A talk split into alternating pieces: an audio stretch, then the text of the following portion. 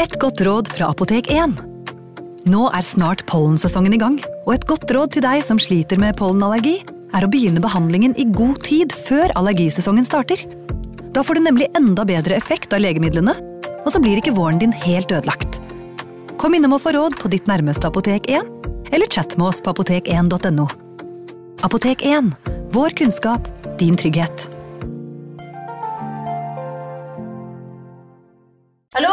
Jeg kommer fra Oslo politikammer. Ine Jansen er purk. Er du purk? The motherfucking bitch. Alt jeg vil, er å finne ut hva som skjedde med mannen min. Jon Carew. Er jeg sikta for noe? Iben Akeli. Det er du. Ole So, Lars Berrum og Big Daddy Karsten. Hvem sin side er du på, egentlig? Anette Hoff, Tone Danielsen, Kommer du fra Afrika? Jørnis Josef, Nesten. Kløfta. Trond Espen Seim, Det er synd å si det, men det var feil mann som døde. Purk. Premiere tirsdag på TV2 Play. Ungsamtalen fra DNB er økonomisk veiledning tilpasset deg som er ung. Bokk en ungsamtale på dnb.no. slash ung. Det er kjempebra hvis du skal inn på boligmarkedet, hvis det er drømmen din, liksom. Det er det du skulle sagt. Og så kunne du ropt litt mer, da, sånn som jeg gjorde. Bam! Advarsel. Denne podkasten inneholder skildringer av ekte drap og kriminalsaker som kan være støtende for enkelte. Det advares også mot sterke inntrykk i deler av episoden.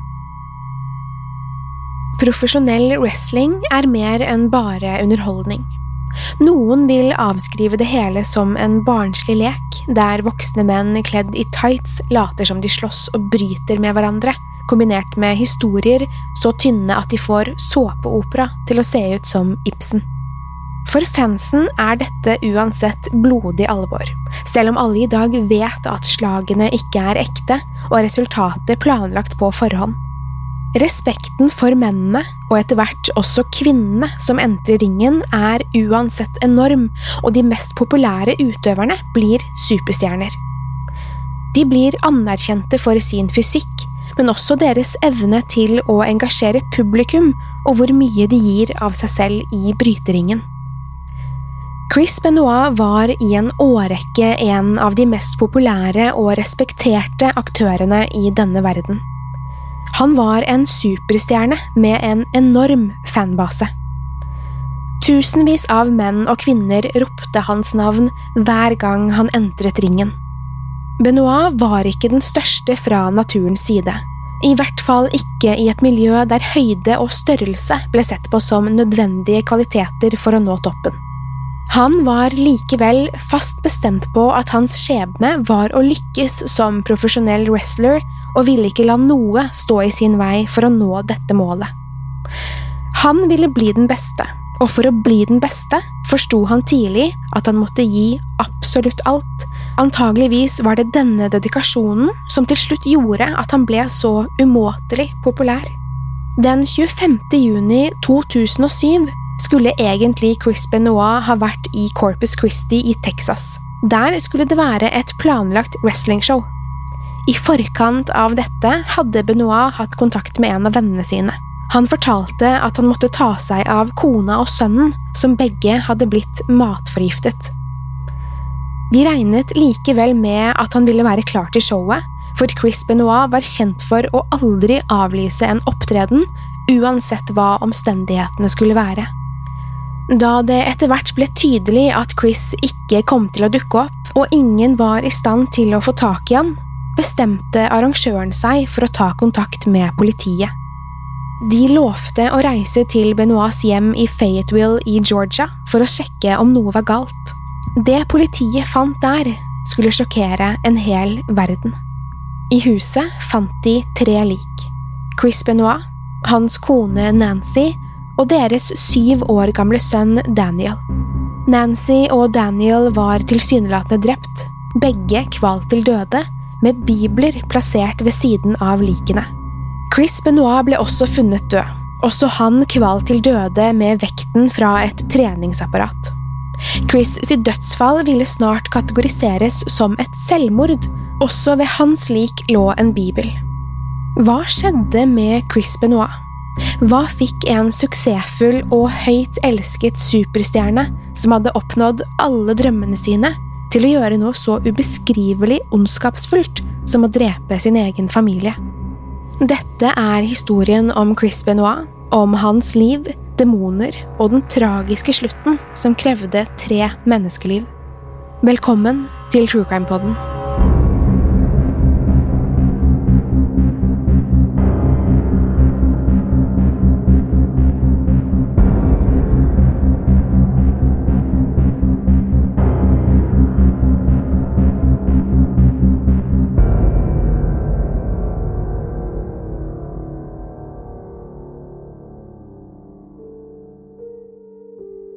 Chris Benoit ble født i Montreal i Canada den 21. mai 1967.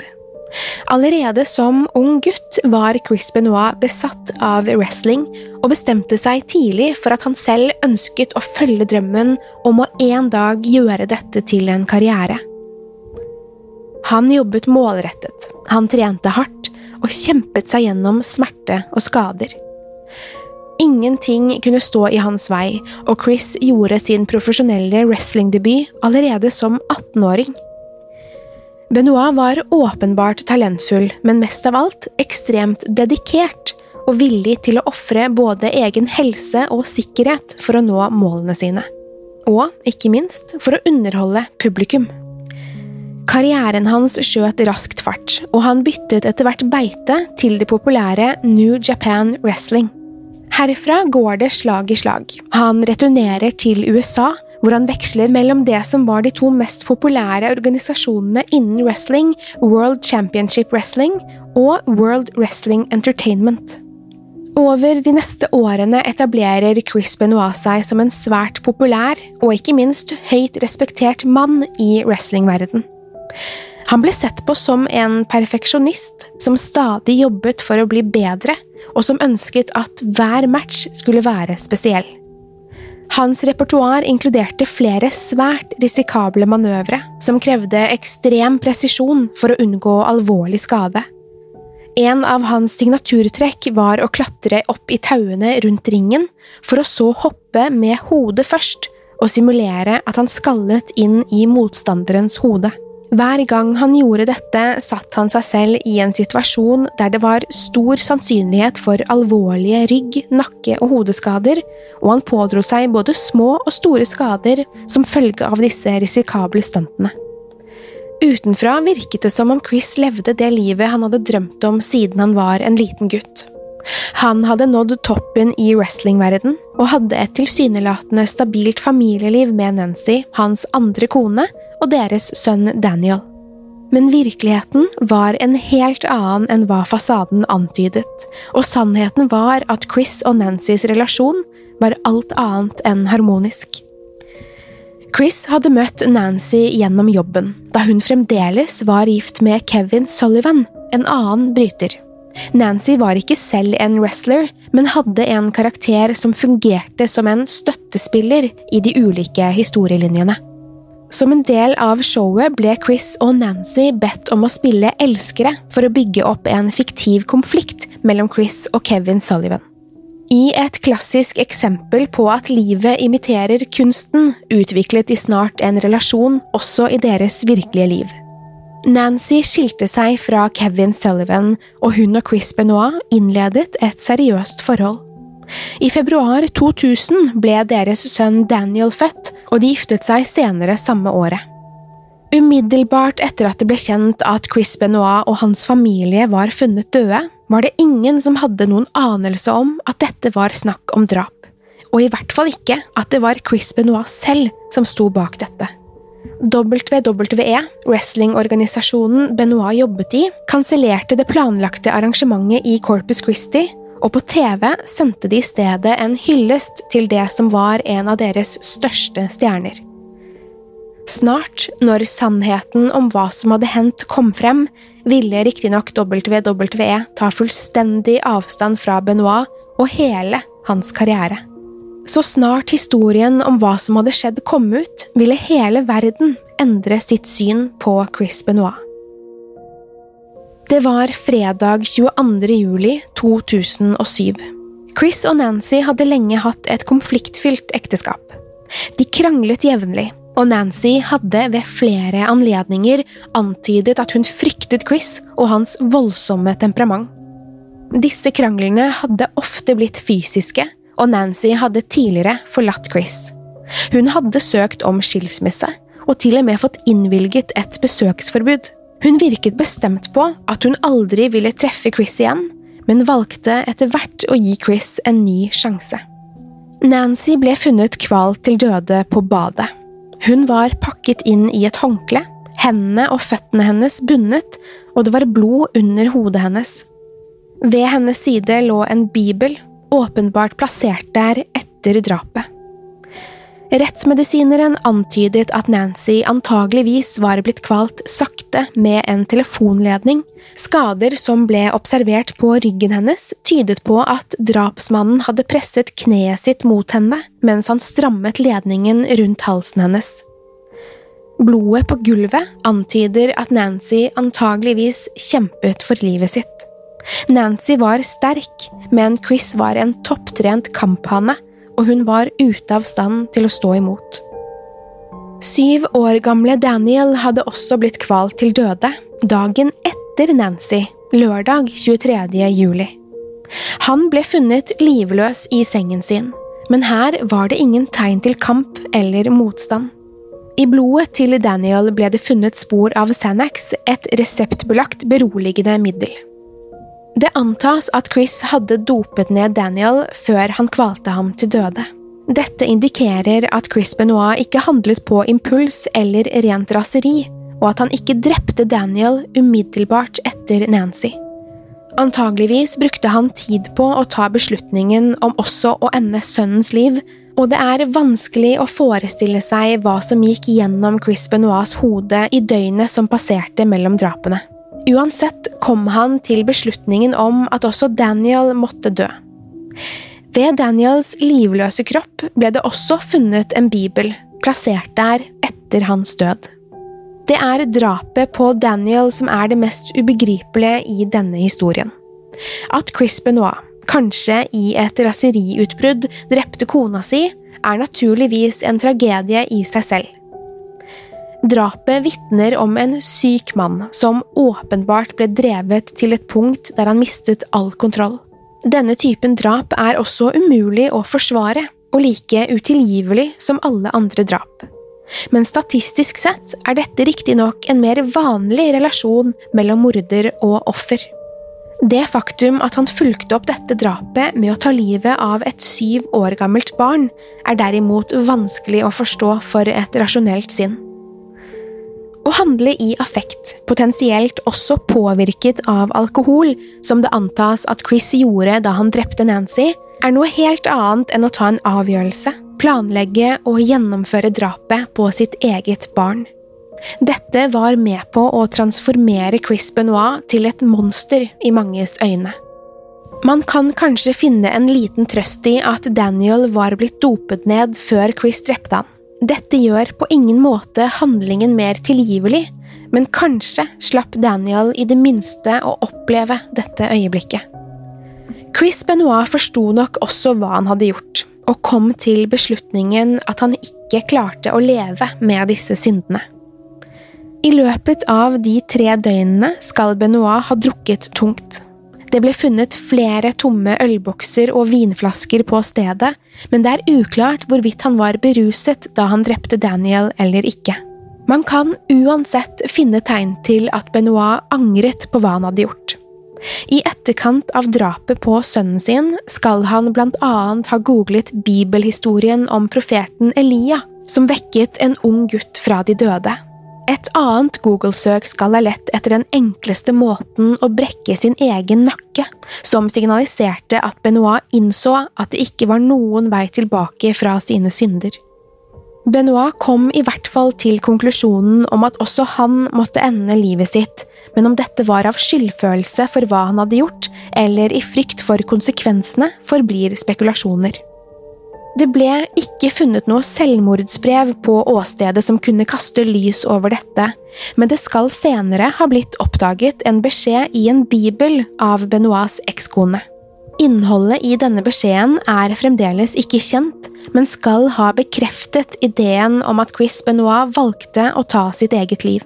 Før dette hadde det gått enda en dag, og det var nå søndag 24. juli. Chris Benoit benyttet et vektapparat fra husets treningsrom til å ta sitt eget liv. Han bandt en kabel rundt halsen sin og satt opp maskinen med tilstrekkelig vekt for å brekke sin egen nakke, før han lot vekten falle. Antageligvis døde han ganske momentant. Også ved sin side la Chris en bibel, kanskje i et lite håp om at hans synder kunne bli tilgitt. Det hele virket uforståelig, særlig for de som sto Chris nærmest. Alle som kjente han, beskrev han som en godhjertet person, en familiemann som ville ha gjort hva som helst for å beskytte de han var glad i. Det ble åpenbart at Chris Benoit hadde holdt sider av personligheten sin godt skjult, men hva var det som drev ham til disse avskyelige handlingene? For de fleste virket forklaringen om et trøblete ekteskap og et hissig temperament som en altfor enkel løsning på denne gåten.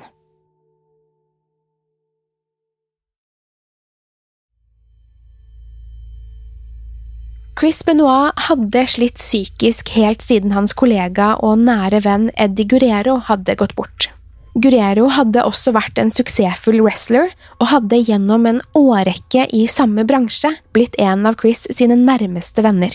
Det er et trist faktum at den gjennomsnittlige levealderen i denne bransjen er avskrekkende lav, og Eddie Guerrero ble dessverre en del av denne statistikken da han døde bare 38 år gammel. Dødsårsaken var akutt hjertesvikt. Guerrero ble dermed neste i en lang rekke profesjonelle wrestlere som døde unaturlig tidlig. Årsakene til dette er mangfoldige, men det har antageligvis en direkte korrelasjon med livsstilen denne karrieren bringer med seg. Det har i senere tid blitt iverksatt tiltak for å forbedre disse forholdene, men i perioden Chris Benoit og Eddie Guerrero var aktive, var det unektelig at disse mennene påførte kroppene sine enorme belastninger. Den fysiske påkjenningen og det konstante presset til å prestere i ringen ledet mange til å ty til alkohol, tunge smertestillende eller narkotiske stoffer for å holde kroppen i gang. Frykten for å bli utelatt dersom man ikke lenger leverte varene, medførte at selvmedisinering ble en naturlig del av hverdagen. Guerrero utviklet etter hvert et alvorlig rusproblem og tok flere overdoser i løpet av livet sitt. Han skal ha blitt edru i tiden før han døde, men de ekstreme belastningene han hadde påført kroppen sin, var antageligvis med på å korte ned livet hans med flere tiår. Etter Eddie Guerreros død var det mange som så en åpenbar endring i Chris Benoit. Han tok åpenbart nyheten tungt, som mange ville gjort, men Chris ble fullstendig konsumert av sorgen. Han gråt ukontrollerbart og slet med å begripe hvordan han skulle komme seg gjennom livet uten sin beste venn ved sin side. Livet som wrestler betød at store deler av livet ble tilbrakt på reisefot, ofte med Eddie ved sin side. Tanken på å gjøre dette alene virket nesten uutholdelig for Chris. Flere pekte på dette som et mulig vendepunkt som ledet Chris Benoit inn i en ny og destruktiv retning. Chris Benoit hadde ikke slitt med avhengighet til narkotiske stoffer slik Guerrero hadde gjort.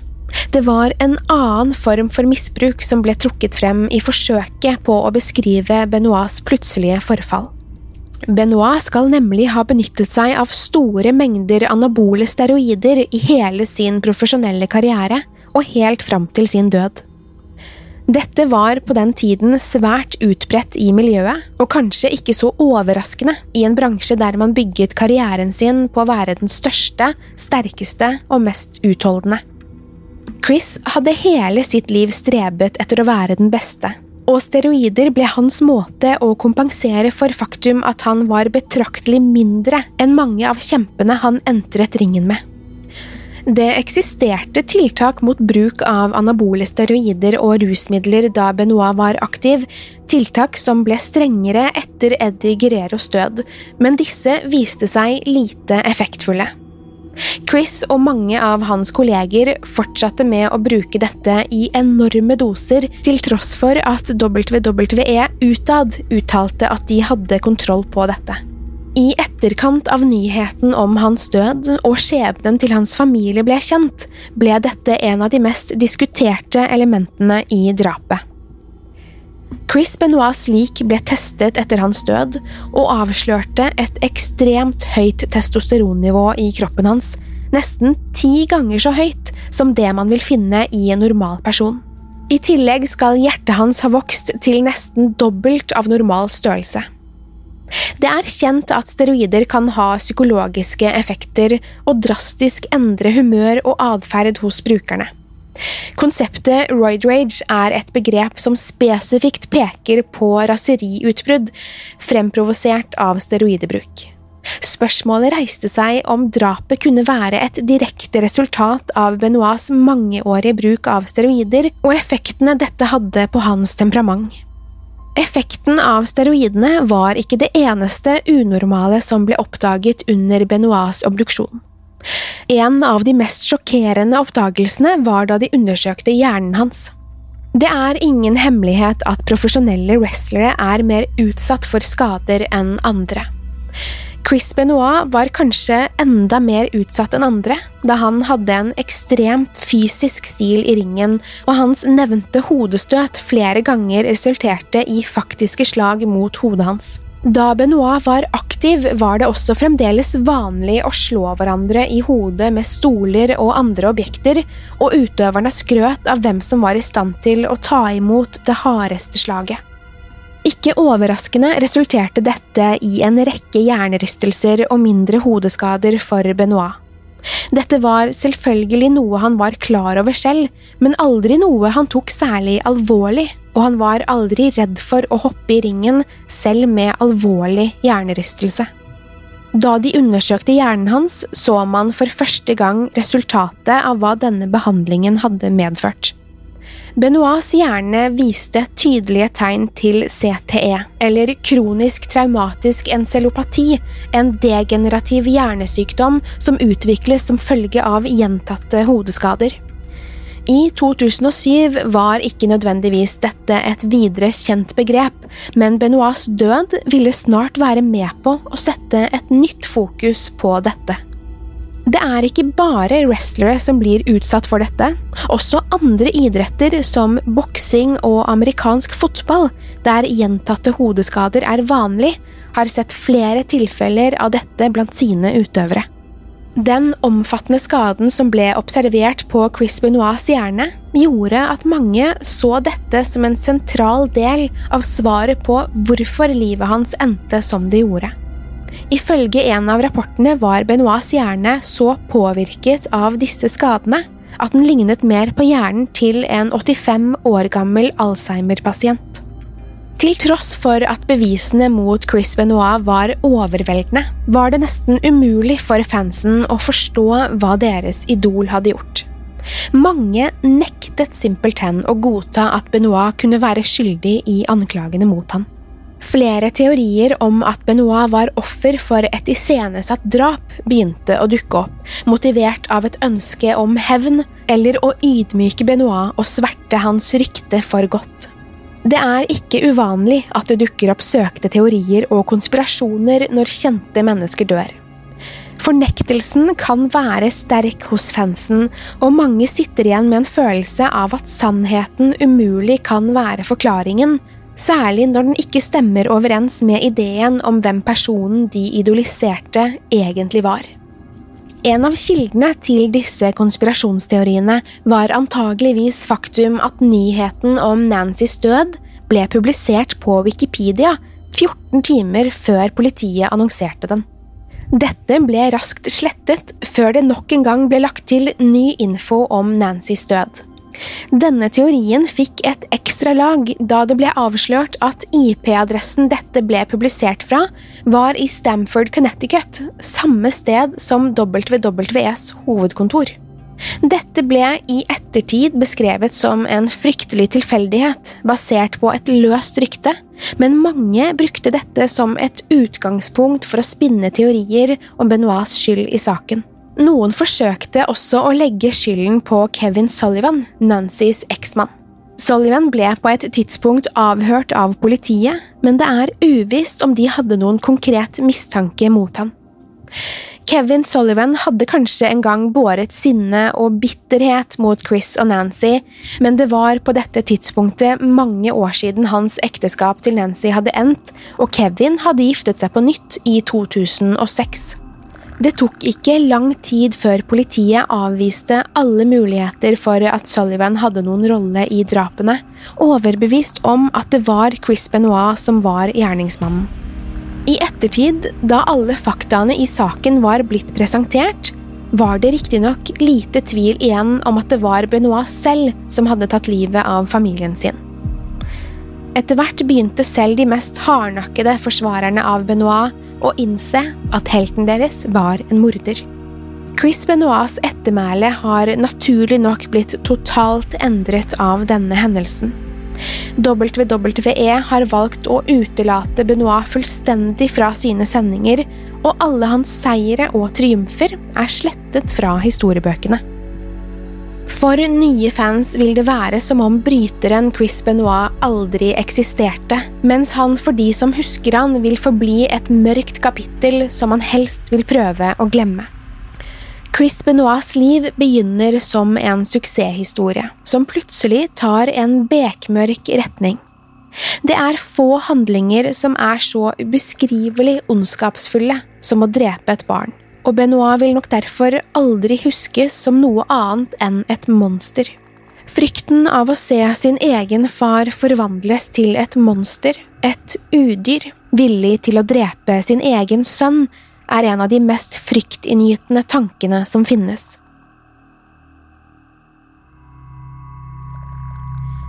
Det er mange argumenter for at Chris Benoit ikke var frisk, og at kroppen og hjernen hans var påvirket av flere ulike aspekter av livsstilen hans. Dette vil aldri rettferdiggjøre handlingene hans, men historien om Chris Benoit kan likevel kanskje fungere som en grotesk påminnelse om konsekvensene av både bruk av steroider og gjentatte hodeskader. Hvorfor dette skjedde, vil nok alltid forbli et mysterium. Det foreligger flere forsøk på å forklare, men dette vil alltid forbli teorier. Det antas at det startet med en uenighet mellom Chris og Nancy, og at denne krangelen eskalerte til punktet der Chris tok hennes liv.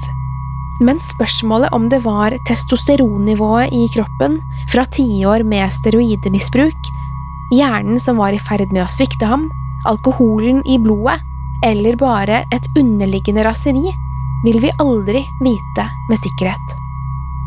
Dette var uansett en tragedie. En tragedie for alle Chris Benoits venner, hans og Nancys familie, så vel som hans tusenvis med hengivne fans. Chris Benoit etterlot seg også to barn fra et tidligere ekteskap, som resten av livet må leve med sorgen over å ha mistet en far en mor og en bror. De må leve med vissheten om at deres far var en morder, og vil for alltid bli møtt med spørrende og dømmende blikk fra mennesker som ikke vet hvordan de skal forholde seg til denne tanken. Trenger du noen å snakke med? Ring Mental Helses gratis og døgnåpne helsetjeneste på 116 123. 116 1, 2, 3. True Crime-podden er produsert av moderne media.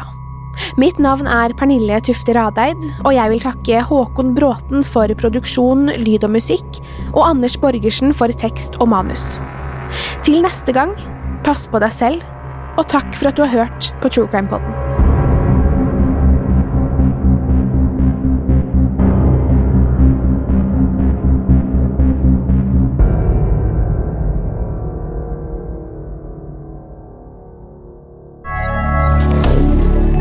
Crime-podden. media.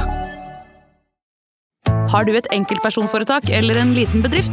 Da er du sikkert lei av å høre meg snakke om hvor enkelt det er med kvitteringer og bilag i fiken, så vi eh, gir oss her, vi. Fordi vi liker enkelt. Fiken superenkelt regnskap. Hei! Takk for at du lytter til True Crime Poden. Skulle du ønske at du kunne høre en ny episode av denne podkasten hver eneste uke? Vel, da er det bare å laste ned podkastappen Untold med en gang. I tillegg til ukentlige episoder av podkaster som Skrekkpodden, Synderne og Henrettelsespodden, får du masse annet reklamefritt og eksklusivt innhold. Last ned Untold i AppStore eller Google Play, og start din 30 dagers prøveperiode i dag. Untold.